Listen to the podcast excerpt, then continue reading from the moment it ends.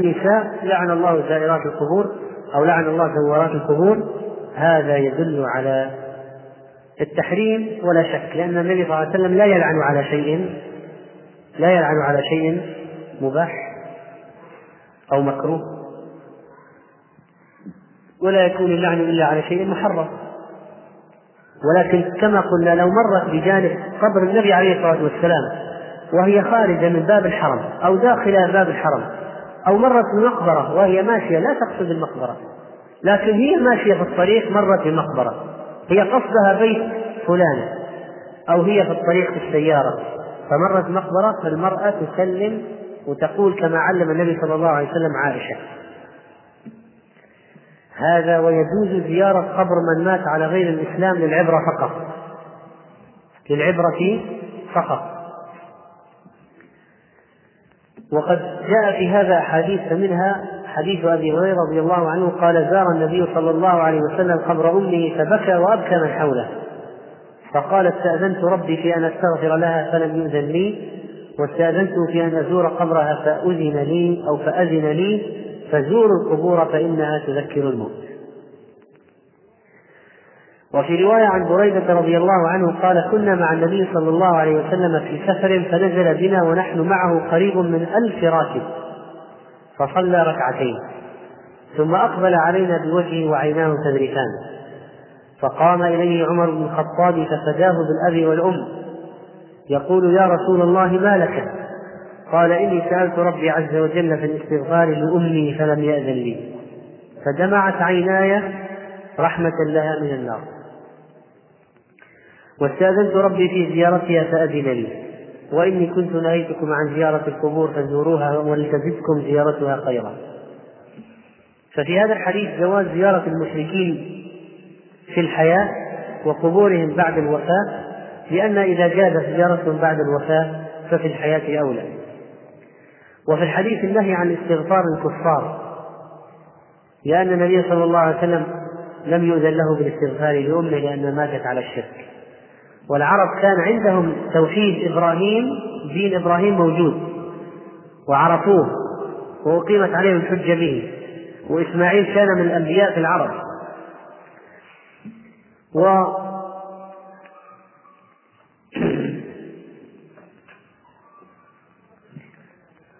أبو النبي صلى الله عليه وسلم وأمه مات على الشرك وكذلك عمه وجده أو عماه وجده ماتوا على الشرك.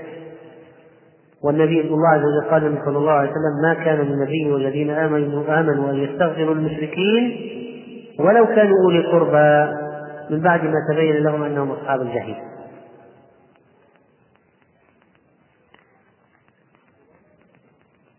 إذا لا يجوز استغفار الكافر. الآية نزلت في من؟ في وفاة أبي طالب على الشرك. وكذلك فإن القصد من زيارة القبور شيئان الأمر الأول انتفاع الزائر والثاني انتفاع المزور انتفاع الزائر بذكر الموت والموتى والمآل بعد الموت. انتفاع المزور بالدعاء له والاستغفار له والإحسان إليه في هذه الزيارة. وعن عائشة رضي الله عنها أن النبي صلى الله عليه وسلم كان يخرج إلى البقيع فيدعو لهم فسألته عائشة عن ذلك فقال إني أمرت أن أدعو لهم وكذلك كان النبي صلى الله عليه وسلم يعلم الصحابة إذا خرجوا إلى المقابر أن يقول قائلهم السلام عليكم دار أهل الديار من المؤمنين والمسلمين وإنا إن شاء الله بكم للاحقون. أنتم لنا فرض يعني سبقتمونا ونحن لكم تبع. نأتي على إثركم. أسأل الله لنا ولكم العافية. فهذا دعاء آخر. وفي رواية أن رسول الله صلى الله عليه وسلم أتى المقبرة فقال السلام عليكم دار قوم مؤمنين وإنا إن شاء الله بكم لاحقون. وجدت أنا قد رأينا إخواننا. قالوا أولسنا إخوانك يا رسول الله؟ قال لا. قال بل أنتم أصحابي وإخواننا الذين لم وإخواننا الذين يأتون بعد. وإخواننا الذين يأتون بعد الحديث. أما قراءة القرآن عند زيارة المقبرة والفاتحة فمما لا أصل له في السنة أبدا. ولا الأحاديث. لا لم يرد عن النبي صلى الله عليه وسلم في حديث صحيح واحد أنه قرأ القرآن في المقبرة للموتى. ولا أنه قرأ الفاتحة وأهداها للموتى مطلقا. ومن أبى فعليه الدليل فليأتي بعلم إن كان صادقا. أنبئوني بعلم إن كنتم صادقين. ائتوني بكتاب من قبل هذا أو أثارة من علم إن كنتم صادقين. ولما علم النبي صلى الله عليه وسلم عائشة علمها السلام والدعاء ولم يعلمها أن تقرأ الفاتحة أو غيرها من القرآن. وقال عليه الصلاة والسلام لا تجعلوا بيوتكم مقابر فإن الشيطان يفر من البيت الذي يقرأ فيه سورة البقرة. لاحظ لا تجعلوا بيوتكم مقابر فإن الشيطان يفر من البيت الذي تقرأ يقرأ فيه سورة البقرة.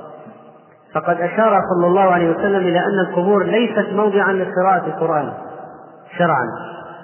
ولذلك قالوا قال لا تجعلوا بيوتكم مقابر. اقرأوا فيها سورة إيش؟ البقرة. إيش معنى الكلام هذا؟ الآن المقابر ما هي قراءة القرآن. لا تجعلوا بيوتكم مقابر. فإن الشيطان يفر من البيت الذي يقرأ فيه سورة البقرة. أخرجه الإمام مسلم. رحمه الله تعالى في صحيحه. وقال عليه الصلاة والسلام صلوا في بيوتكم ولا تتخذوها قبورا لأن المقابر لا يجوز الصلاة فيها إلا صلاة الجنازة لمن فاتته صلاة الجنازة. يجعل القبر بينه وبين القبلة ويصلي الجنازة على القبر. فقط صلاة أخرى في المقبرة لا تجوز. صلوا في بيوتكم ولا تتخذوها قبورا. وذلك كان مذهب جمهور السلف كأبي حنيفة ومالك وغيرهم كراهة القراءة عند القبور. قال أبو داود رحمه الله سمعت أحمد سئل عن القراءة عند القبر فقال لا. فقال لا. هذه القراءة عند القبر؟ وقال شيخ الإسلام ابن تيمية في اقتضاء الصراط المستقيم مخالفة أصحاب الجحيم ولا يحفظ عن الشافعي نفسه في هذه المسألة كلام. وذلك لأن ذلك كان عنده بدعة. وقال مالك اللي مذهب مالكي يسمع كلام مالك ما علمت أحدا يفعل ذلك. يعني يقرأ القرآن في المقبرة. فعلم أن الصحابة والتابعين ما كانوا يفعلونه. وقال شيخ الإسلام تيمية رحمه الله في الاختيارات العلمية والقراءة على الميت بعد موته بدعة. فقط الذي جاء في بعض الآثار عن الصحابة قراءة ياسين على المحتضر وليس على الميت قراءة ياسين على من؟ المحتضر الذي الآن يحتضر. الآن يحتضر ورد عن بعض الصحابة وليس حديثا مرفوعا. عن بعض الصحابة قراءة ياسين عند المحتضر. أما الميت ما يقرأ عنده لا ياسين ولا غير ياسين. لا قبل الدفن ولا بعد الدفن. لا يقرأ عنده شيء البتة. وكذلك فإن الإنسان إذا جاء يدعو في المقبرة يرفع يديه في الدعاء لأجل الحديث الذي مر معنا.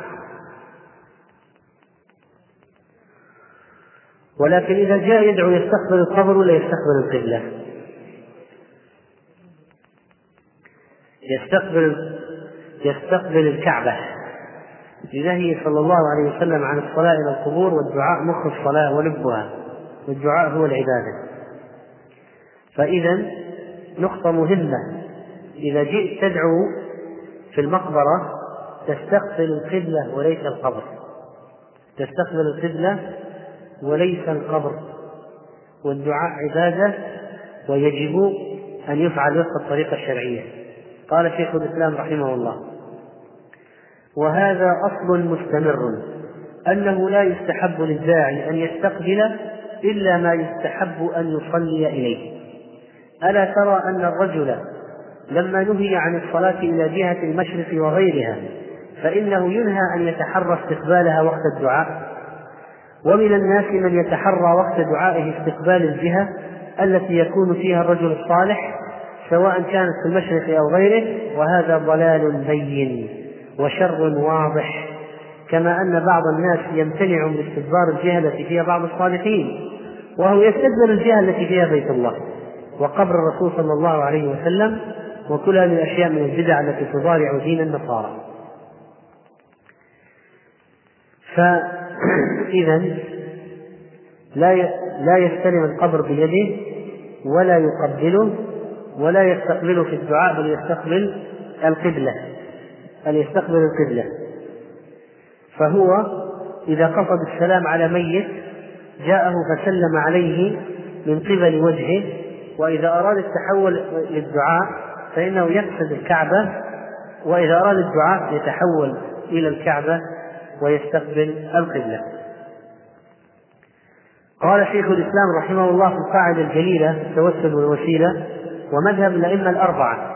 مالك وأبي حنيفة والشافعي وأحمد وغيرهم من أئمة الإسلام أن الرجل إذا سلم على النبي صلى الله عليه وسلم وأراد أن يدعو لنفسه فإنه يستقبل القبلة الآن إذا جئت المسجد النبوي وأردت أن تسلم على قبر النبي عليه الصلاة والسلام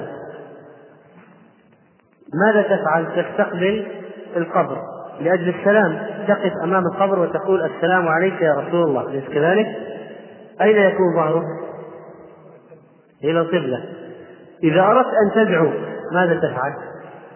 تستدير وتستقبل القبلة وليس القبر ولذلك ترى بعض هؤلاء المغفلين أو بعض الجهلة أو بعض الصوفية المتعمدين الأفاكين يستقبلون القبر ويستدبرون الكعبة ويدعو إلى القبر تارك الكعبة وراءه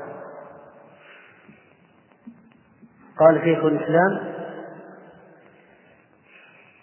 فقال الثلاثة ومالك مالك والشافعي وأحمد يستقبل الحجرة ويسلم عليه من تلقاء وجهه. وقال أبو حنيفة لا يستقبل الحجرة وقت السلام كما لا يستقبلها وقت الدعاء. حتى أبو حنيفة عنده حتى السلام ما يستقبل القبلة وهؤلاء يقولون مذهبهم حنيفة وقت الدعاء لم يتنازع الأئمة الأربعة في أنه يستقبل القبلة لا الحجرة. الأئمة الأربعة لم يتنازعوا في أن وقت الدعاء يستقبل القبلة لا الحجرة. لكن في السلام على الحجرة في السلام عليه الأئمة الثلاثة قالوا يستقبل الحجرة. وأبو حنيفة قال الكعبة.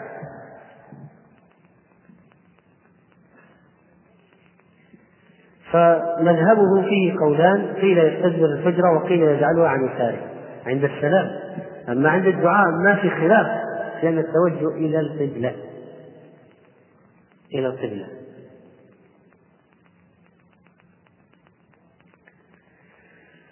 وأما بالنسبة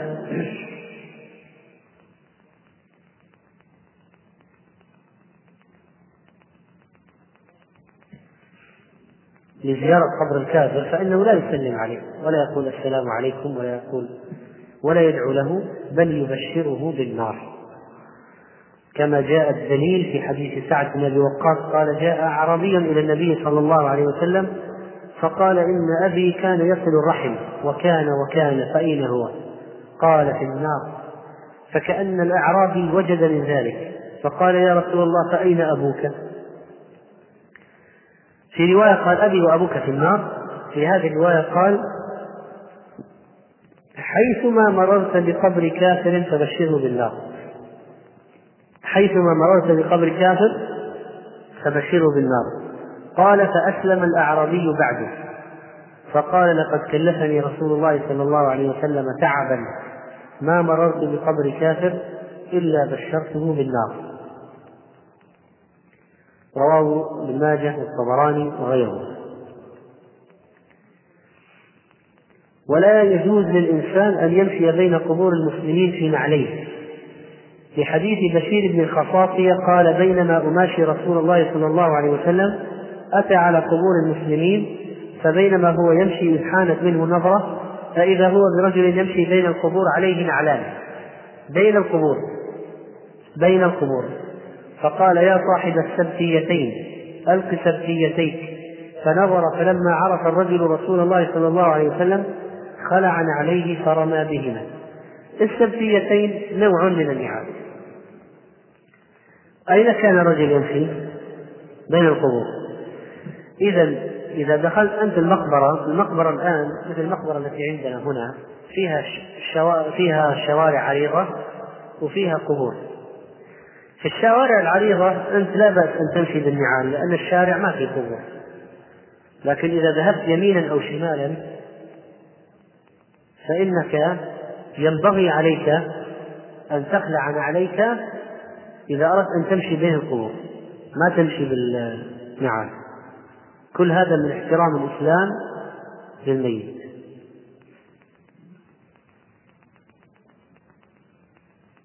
وقد ثبت أن الإمام أحمد رحمه الله كان يعمل بهذا الحديث فقال أبو داود في مسائله رأيت أحمد إذا تبع الجنازة فقرب من المقابر خلع عليه. رأيت أحمد إذا تبع الجنازة فقرب من المقابر أو فقرب من المقابر خلع عليه. خلع عليه.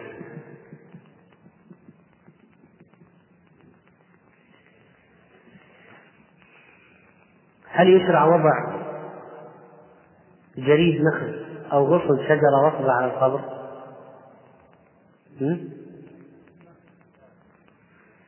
لا يجوز ذلك.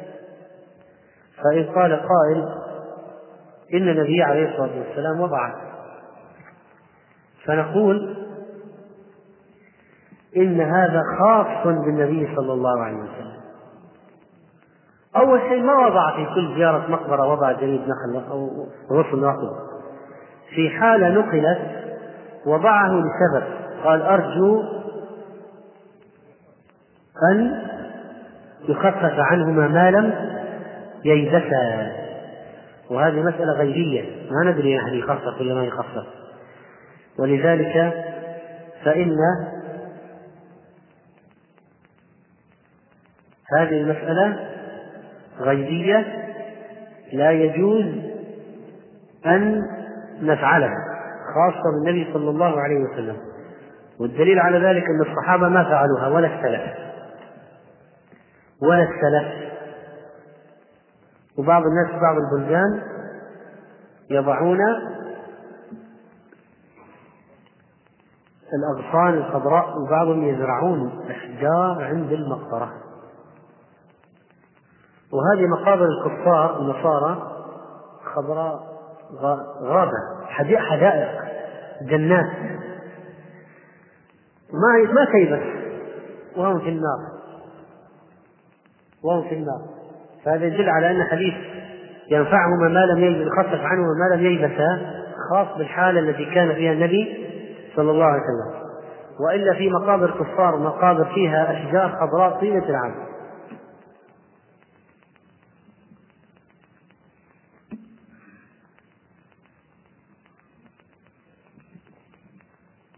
وقد قال عليه الصلاة والسلام إني مررت بقبرين يعذبان فأحببت بشفاعتي أن يرد عنهما ما دام الغصنان رطبين فالآن ما هو سبب التخفيف؟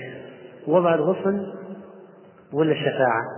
الشفاعة إني مررت بقبرين بقبرين يعذبان فأحببت بشفاعتي أن يرد عنهما ما دام الغصنان رطبين أحببت بشفاعتي سبب بشفاعته ودعائه لا بسبب رطوبة الغصن.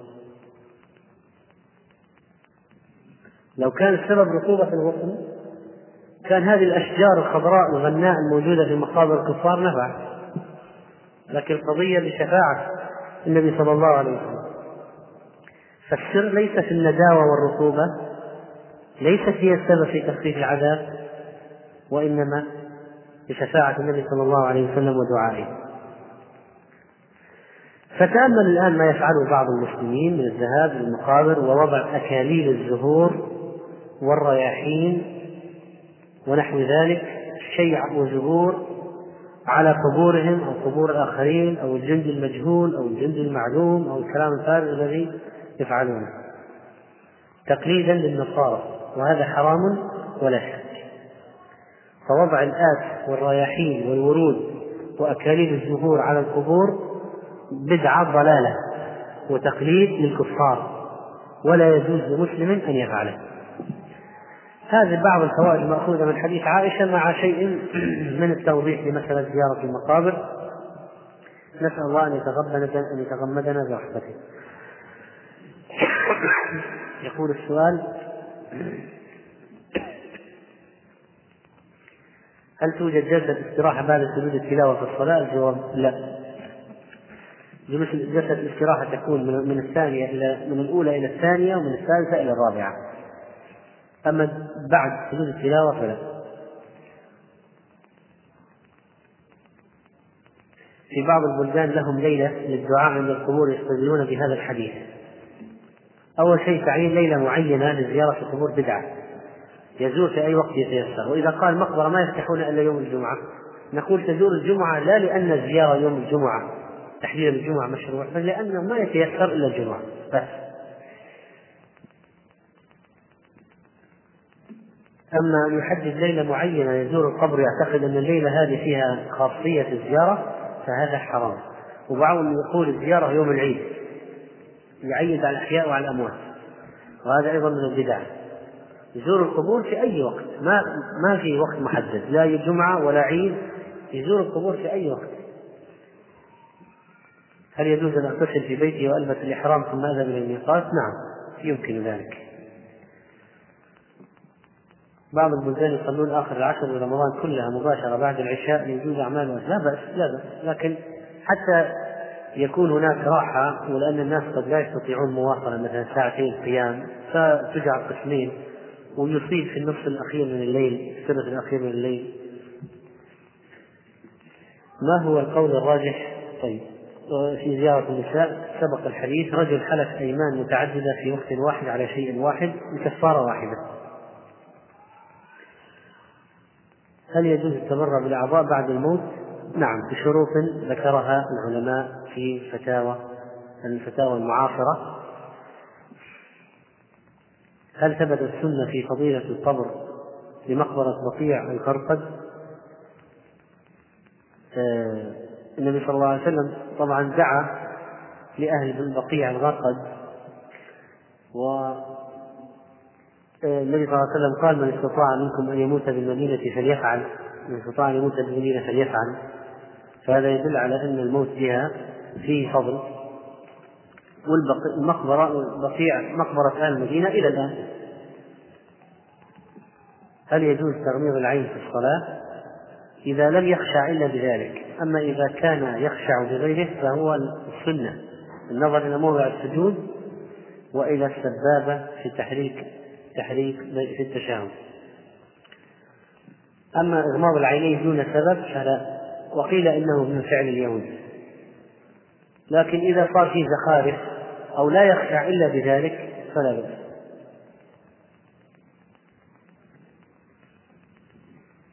ترفع الأعمال يوم الاثنين والخميس؟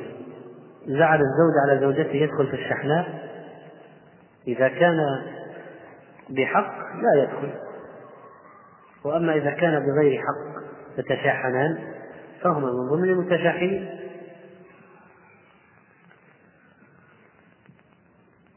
تعمد الإسقاط في وقت الصغر لا يذكر إذا كان مكلفا.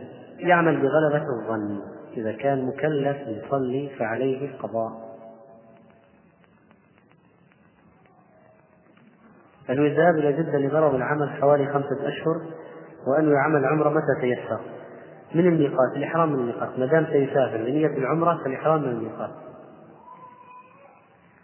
هيئة القبر الإسلامي أن لا أن يجعل مسنما مرتفع الأرض بمقدار شبر ولا يزاد على ذلك ما يجوز الكتابة عليه ولا تجسيسه ولا البناء عليه ولا تنوير ولا وضع الأنوار عليه.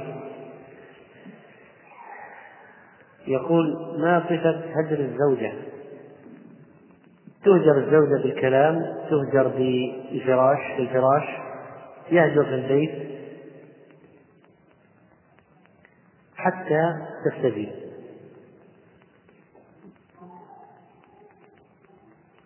الذي يلد ميت عقيقة إذا نفخ فيه الروح ومات بعد ذلك نعم يعق عنه. قبل الالتزام بالدين ذهبت إلى السيد البدوي وضريح آخر وفعلت كما يفعل الآخرون من الدعاء والطواف والنذور للنجاح وللزواج. والآن والحمد لله عرفت أن كل هذا حرام. إذا يلزم التوبة. التوبة من هذا الشرك العظيم.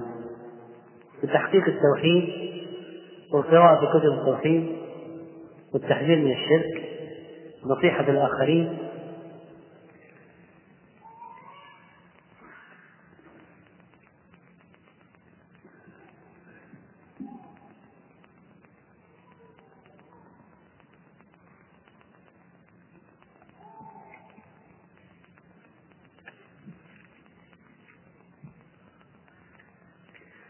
لا يجوز هذا أكثر من سؤال عن نقل القبر. لا يجوز نقل القبر من مكان إلى آخر إلا إذا وجدت حاجة للنقل مثل أن يصبح بمنطقة ليس فيها حرمة للمقابر.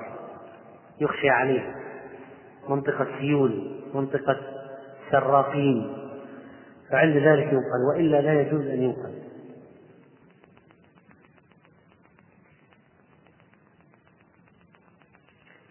فهمت عن الحديث من الحديث النبي صلى الله عليه وسلم قام عند المقابر. هل يعني هذا أنه صلى؟ الجواب لا.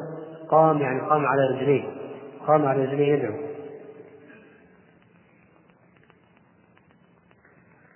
زوجتي تخرج متعطرة إلى بيت أهلها وأنا أقوم بتقريب السيارة حين خروجها ونزولها وكذلك بيت بعض الأقرباء دون مرورها على الرجال إذا كنت تضمن إذا كنت تضمن أن لا تمر على الرجال نعم. لكن كيف تضمن؟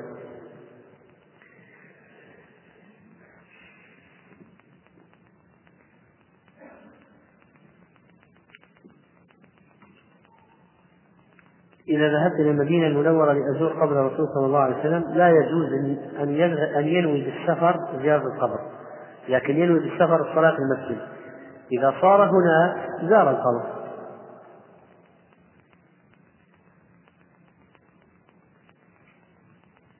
رفع القبور السنة أن تكون شبرا فقط ورفعها زيادة ذريعة للشرك.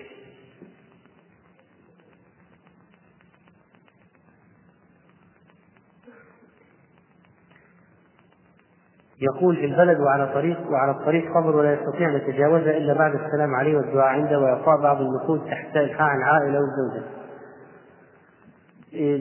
يعني يقف يدعو نعم أما أن ينزل نقود لا إعطاء النقود وضع عند القبر بدعة.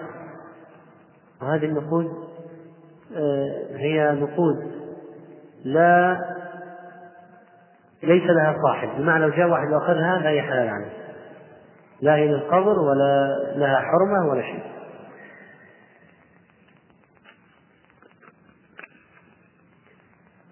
تنقذون بالمكيف فقد تجمدت أطرافنا. وقبله الدنيا حر ونبغى مكيف. طيب. خير. وقت المكيف. تقول عندي بنات أو يقول عندي بنات وزوجها لديهن ذهب لا يكمل النصاب إلا إذا جمعته ما في زكاة ولا يجب جمعه. وإن الدار الآخرة لا هي الحيوان. ما معنى الحيوان؟ يعني الحياة الحقيقية المستمرة المستقرة الدائمة. سجود التلاوة يتوجه إلى القبلة. هل المسلم ملزم باتباع مذهب المذاهب الأربعة؟ الجواب لا. إذا كان عاميا مذهب مذهب مفتي. إذا كان طالب علم يبحث عن قول راجح بدليل. ولا حرج من تقليد أحد الأئمة بشرط أن يتبع الحق إذا عرف أن الحق في غير المذهب.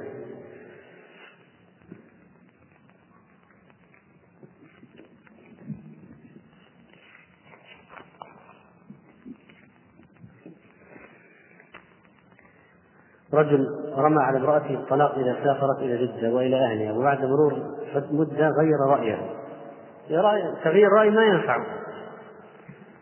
ولا يخرجه من الموضوع بسلام. إذا قصد الطلاق وقع الطلاق لو ذهبت إذا قصد اليمين عليه كفارة يمين لو ذهبت والله أعلم. صلى الله وسلم على نبينا